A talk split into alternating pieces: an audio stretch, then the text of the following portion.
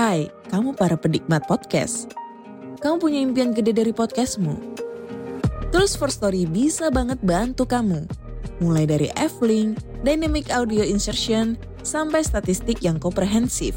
Semua ada di First Story. Gak ketinggalan kamu bisa monetisasi podcastmu lewat iklan dari First Story Ads yang bisa kasih kamu penghasilan dari setiap place podcastmu. Yuk gabung sekarang dengan klik di firststory.me. Sekali lagi, klik di firststory.me. Mari kita bawa mimpi podcastingmu menjadi kenyataan. Hello? Hello?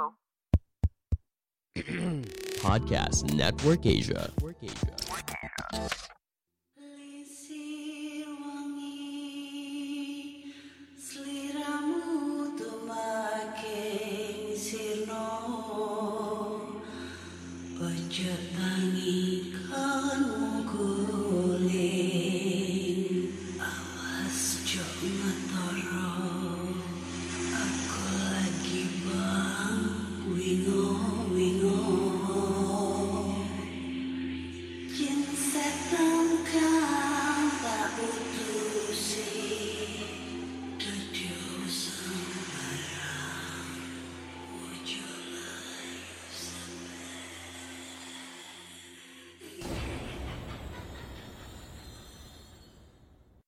Hai Re, iya apa kabar Ketemu lagi dengan aku si Ana di podcast kisah horor.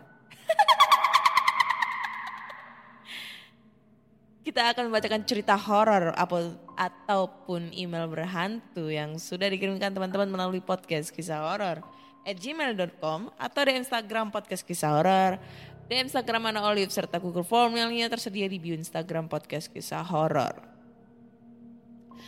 Di episode kali ini aku akan sedikit bercerita ya dan sedikit promo. Yang pertama hari eh, da- per hari Minggu kemarin eh gua udah tayang atau upload episode terbaru di YouTube. Jadi gue sekarang udah mulai nge-YouTube lagi, explore-explore tempat terbengkalai. Tapi explore-nya kali ini nggak nggak malam sih, ya sore atau siang lah ya, karena kalau yang malam itu udah banyak banget tuh ghoster-ghoster yang yang udah explore malam. Jadi mungkin gue explore siang hari atau sore. Ya kalau misalnya kemungkinan ada malam ya malam gitu. Jadi buat teman-teman nih, kalau penasaran dengan channel YouTube aku ataupun video-video aku tentang explore-explore tempat terbengkalai, kalian langsung aja bisa mampir ke channel YouTube aku namanya Anna Olive, A N N A O L I V E. Jangan lupa subscribe, like, comment dan share ya sebanyak-banyaknya karena AdSense gua udah turun, jam tayang gua udah turun. Jadi gua minta bantuan kalian supaya jam tayang gua naik biar bisa AdSense lagi. Terus cerita sedihnya adalah kan akhir-akhir ini gue udah deket banget tuh sama yang namanya Rio.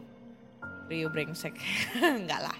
Jadi eh gue pernah cerita sama kalian kalau si Rio ini nggak suka kalau gue ngonten YouTube.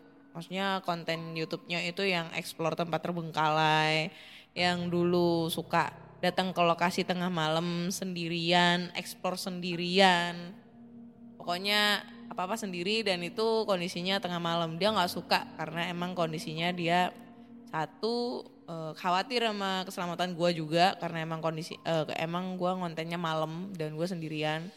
Yang kedua dia tuh gak seberapa suka kalau gua terlalu terlihat di depan orang lain. Apa ya? Terlalu terlihat di publik gitu ya. Ibaratnya kalau gue jadi public figure gitu dia agak kurang suka kayak gitu jadi kemarin tuh kayak agak sedih banget karena ketahuan gue ngonten lagi. Cuma kan gue sekarang ngontennya udah mak udah sore atau siang gitu nggak malam. Ya tapi tetap aja sih gue takut. Kemarin udah berbeda gitu eh, obrolannya jadinya takut kalau gue nggak bisa deketin dia lagi nggak bisa ngedapetin dia lagi gitu ya mau gimana ya gue konten YouTube juga karena kebutuhan juga sih Jadi mau nggak mau terpaksa harus melakukan itu semua. Jadi buat teman-teman nih kalau emang mau ngebantu aku, aci, kalian langsung aja bisa mampir ke channel YouTube aku, tonton semua video video-videonya ya. Ada video yang dulu-dulu juga. Jangan lupa like, comment, dan share. Oke?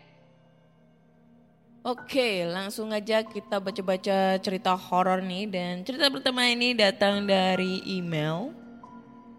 Oke, ntar. Judulnya adalah Tanah Rantau Penuh Ketakutan.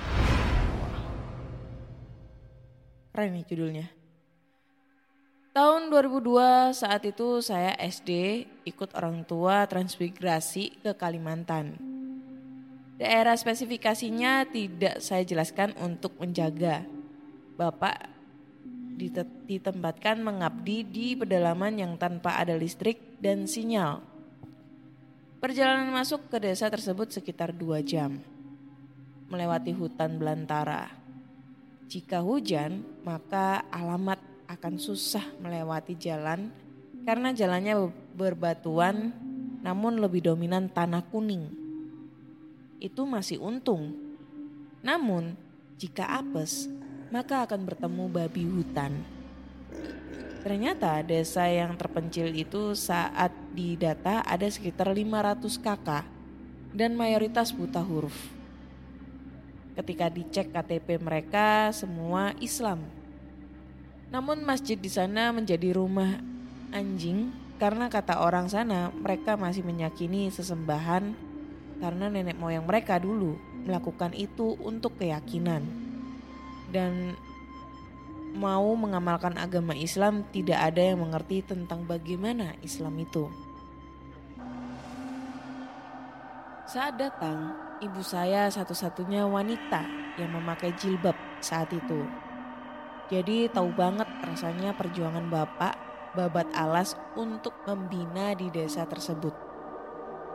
Singkat cerita, lima tahun kemudian Bapak bisa pelan-pelan membawa prestasi hingga tingkat provinsi menjadi sekolah pedalaman terbaik seprovinsi.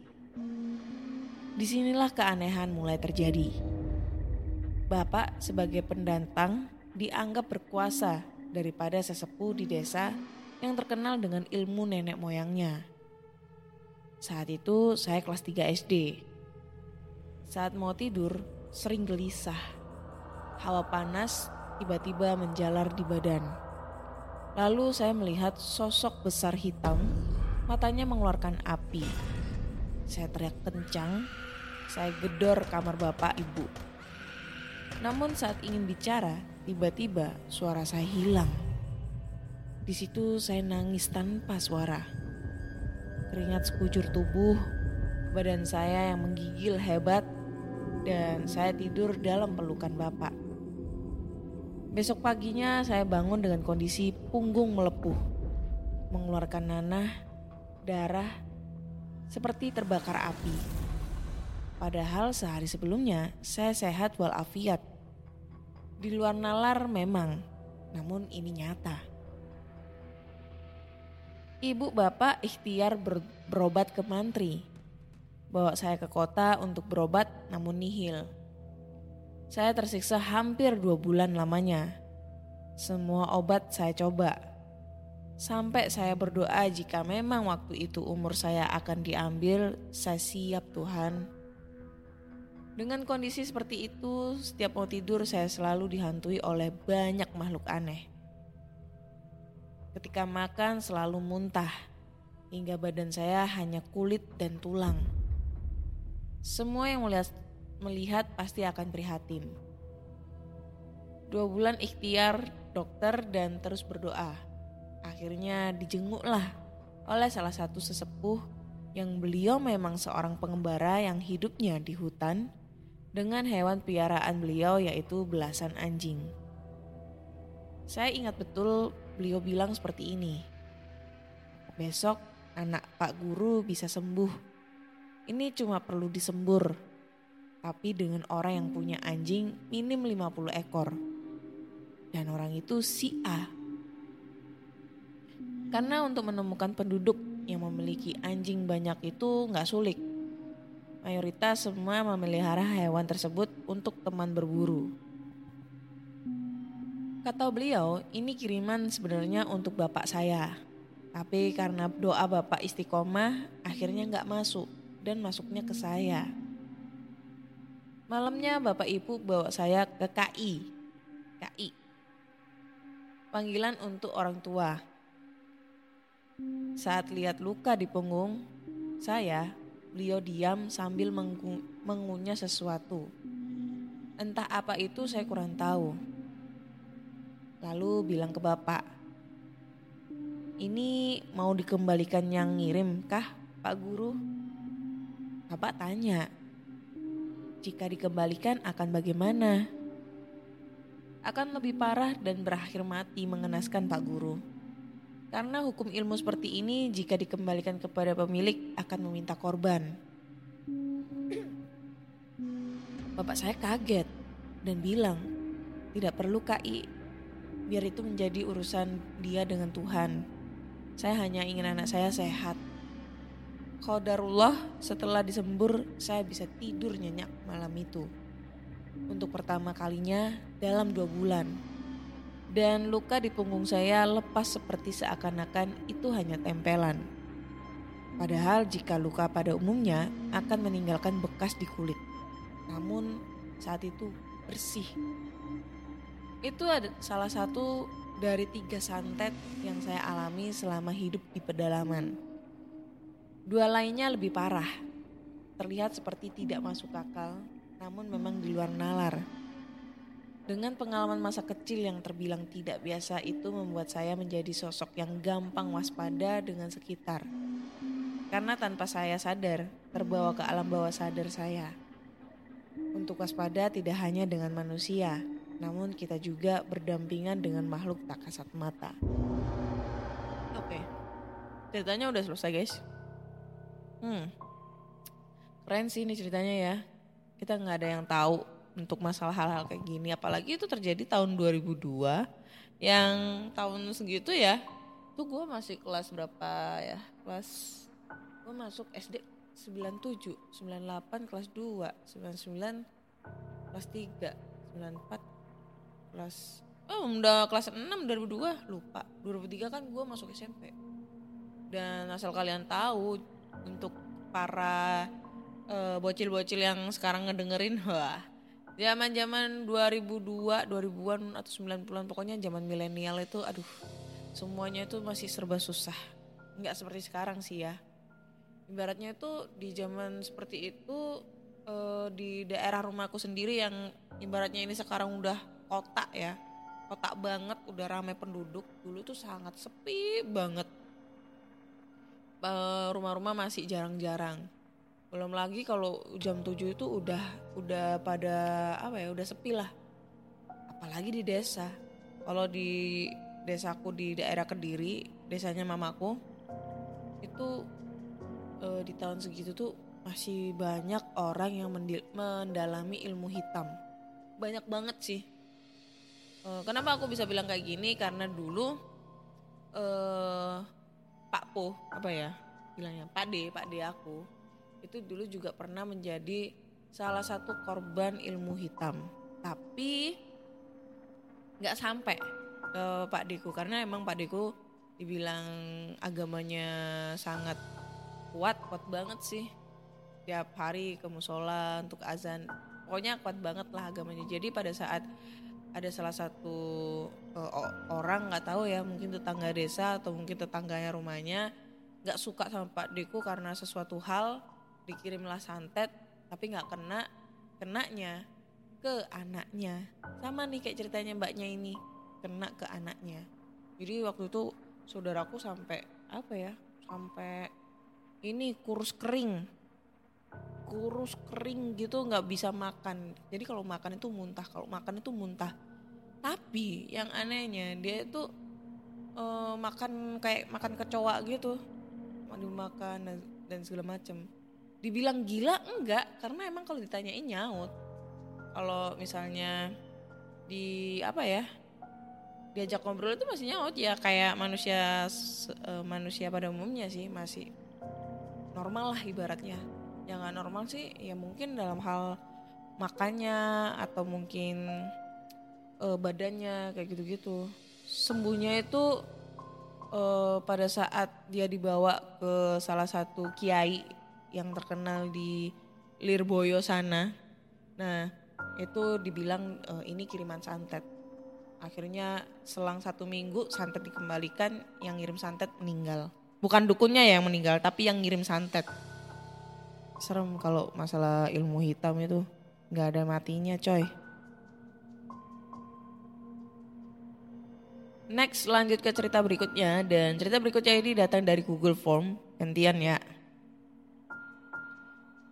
Cerita berikutnya ini judulnya Kepala Terbang. Uyang nih kayaknya ya kepala terbang. Oke. Hai Kak Ana, kenalin nama aku Indah. Kali ini aku mau cerita tentang pengalamanku ke- eh, ngelihat sosok kepala terbang. Kejadian ini terjadi tahun 2019.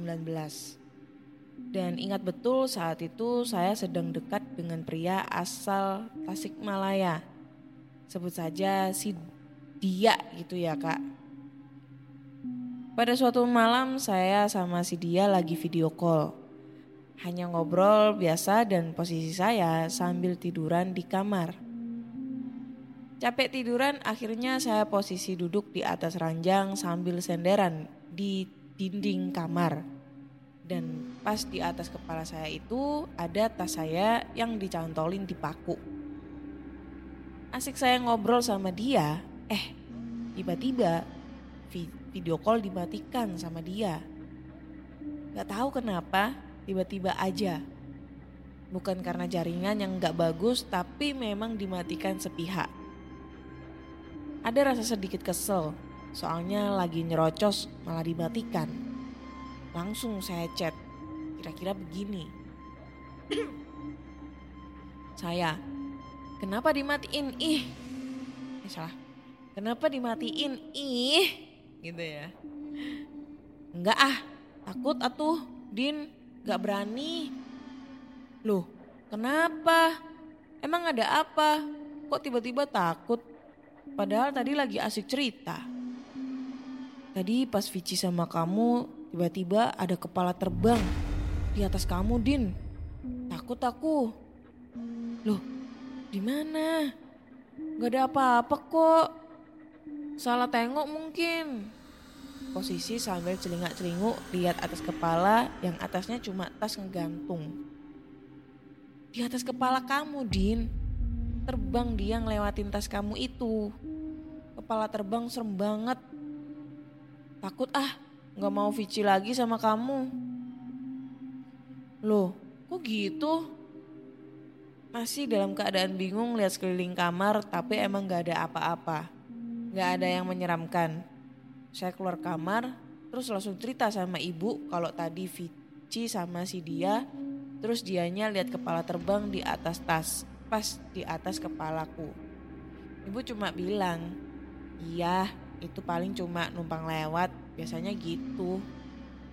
Sayanya posisi bingung makin dibuat bingung sama ibu. Yang santai kali jawabnya itu kepala hanya cuma lewat. Terlalu banyak kejadian aneh di rumah kak. Di sekitar rumah, bahkan di kampung tempat tinggal saya sendiri. Banyak yang bilang emang serem. Next mungkin aku akan cerita ceritaan ceritanya selanjutnya. Oke, thanks Indah buat ceritanya.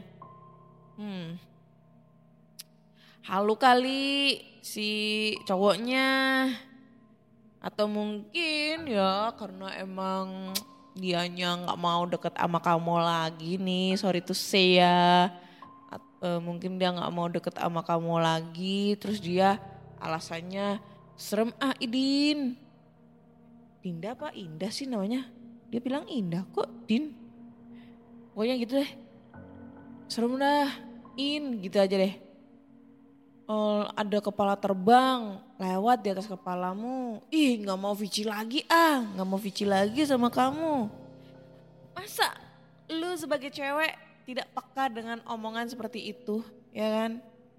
Kalau emang dia bener-bener cowok dan gentle dan emang nanggepin kamu walaupun lu masih PDKT gitu ya. Dia bakal kayak matiin jebret. Eh, eh, hati-hati di sana ada ini, ada kepala terbang. Maaf ya aku matiin matiin takut. Nanti aku coba deh cari tempat lain, nanti aku Vici gitu. Bukan ngomongnya kayak gitu anjrit yang bilang ah serem ah nggak mau Vici lagi sama kamu. Tahu kan artinya apa? Ya artinya dia udah nggak mau gitu sama kamu. Dia udah nggak mau udah ketemu Allah dan dia udah udah nggak mau Vici sama lu gitu ya.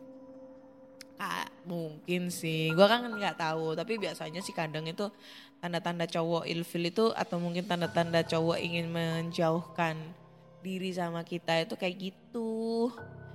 Gue tuh udah pengalaman anjrit. Dulu tuh gue jelek banget, sumpah jelek. Sampai sekarang juga gue jelek sih. Jadi gue dulu pernah kenalan sama cowok terus janjian masih zaman-zaman SMA gitu. Tahu gue jelek, hitam, dekil. Sampai sekarang juga masih hitam terus eh, kayak dandanan cowok banget. Terus gue ketemu sama cowok. Kan biasanya kita tuh zaman dulu tuh masih SMS SMS gitu ya. Belum ada WhatsApp, belum ada BBM. Jadi tuh kita suka gini, lu di sebelah mana? Gitu kan. Terus gua jawab kan iya aku udah di sini nih nunggu di sini. Nah pas si cowok udah ngecek tahu kita jelek hmm, skip. Nggak di nggak dihirauin bahkan yang paling parah gue pernah janjian sama cowok zaman zaman kuliah gitu ya semester semester awal lah. Tahu sendiri ya gue kuliah di pelayaran. Eh, waktu itu gue masih dekil-dekilnya lagi ya. Nah gue janjian tuh di mall. Udah kita makan tuh di mall. Eh pas waktu mau mau bayar eh bukan sih bukan di mall. Di warung warkop atau apa gitu. Lupa deh di mana gitu pokoknya eh, makannya tuh bayarnya tuh belakangan gitu. Pas udah mau bayar dianya tuh alasan mau ke toilet. Ditunggu lama banget gak keluar-keluar. Akhirnya ditinggal pulang dong ternyata. Dan mau nggak mau gue harus bayar. Untung pada saat itu gue ada duit. Coba kalau nggak ada duit anjrit lah. Mana gue ditinggal lagi pulang naik angkot. Zaman dulu masih angkot belum ada gojek belum ada oh ya belum ada ojek online. Masih angkot coy. Bayangin coba. Sedih tahu waktu itu. Kayak seakan-akan tuh gue mikirnya kenapa sih orang itu selalu memandang dari fisik? Kayak gitu cuy. Jangan ya buat kalian-kalian cowok maupun cewek. Jangan melihat seseorang itu dari fisik kalau memang kalian tuh suka lihatlah dia dari hatinya yang paling dalam. Ketulusan mereka ke apa ya? Ke apa ya? Kejujuran mereka dan tanggung jawab mereka. Karena nyari yang seperti itu langka guys. Beneran langka. Jadi eh, hargainlah orang lain kayak gitu ya. Wah ini mah bukan podcast horor lagi nih. Podcast podcast galau-galau nih ya jadinya ya. Oke deh kayaknya cukup sekian dulu di episode ke 200 berapa nih 205 So buat teman-teman semua nih, kalau kalian punya cerita-cerita horor, kalian langsung aja bisa kirim cerita kalian ke podcast kisah horor at gmail.com atau DM Instagram podcast kisah horor, DM Instagram Ana Olit serta Google Form yang linknya tersedia di bio Instagram podcast kisah horor. Terus jangan lupa dengerin podcast kisah horor di Spotify, Google Podcast, Apple Podcast serta di Noise. Jangan lupa juga tinggalin komentar-komentar kalian karena nantinya komentar kalian bakal gue baca satu per satu. Dan jangan lupa lihat channel YouTube aku namanya Anna Olive. Itu aku gue nge-YouTube tentang explore-explore lagi tempat terbengkalai ya. Semoga konsisten ya untuk kali ini. Terus kalau kalian kalau kalian pengen jajarin gue cendol nih, cendol dawet, cendol cendol dawet, kalian bisa langsung aja masuk di link tree, masuk di cendol dawet. Ya seribu, dua ribu, tiga ribu gak apa-apa kakak, yang penting bisa beli makanan kucing nih buat eh, anabul di pinggir-pinggir jalan. Wah. Akhirnya saya Ana undur diri dan terima kasih sudah mendengarkan podcast kisah horor. Bye bye.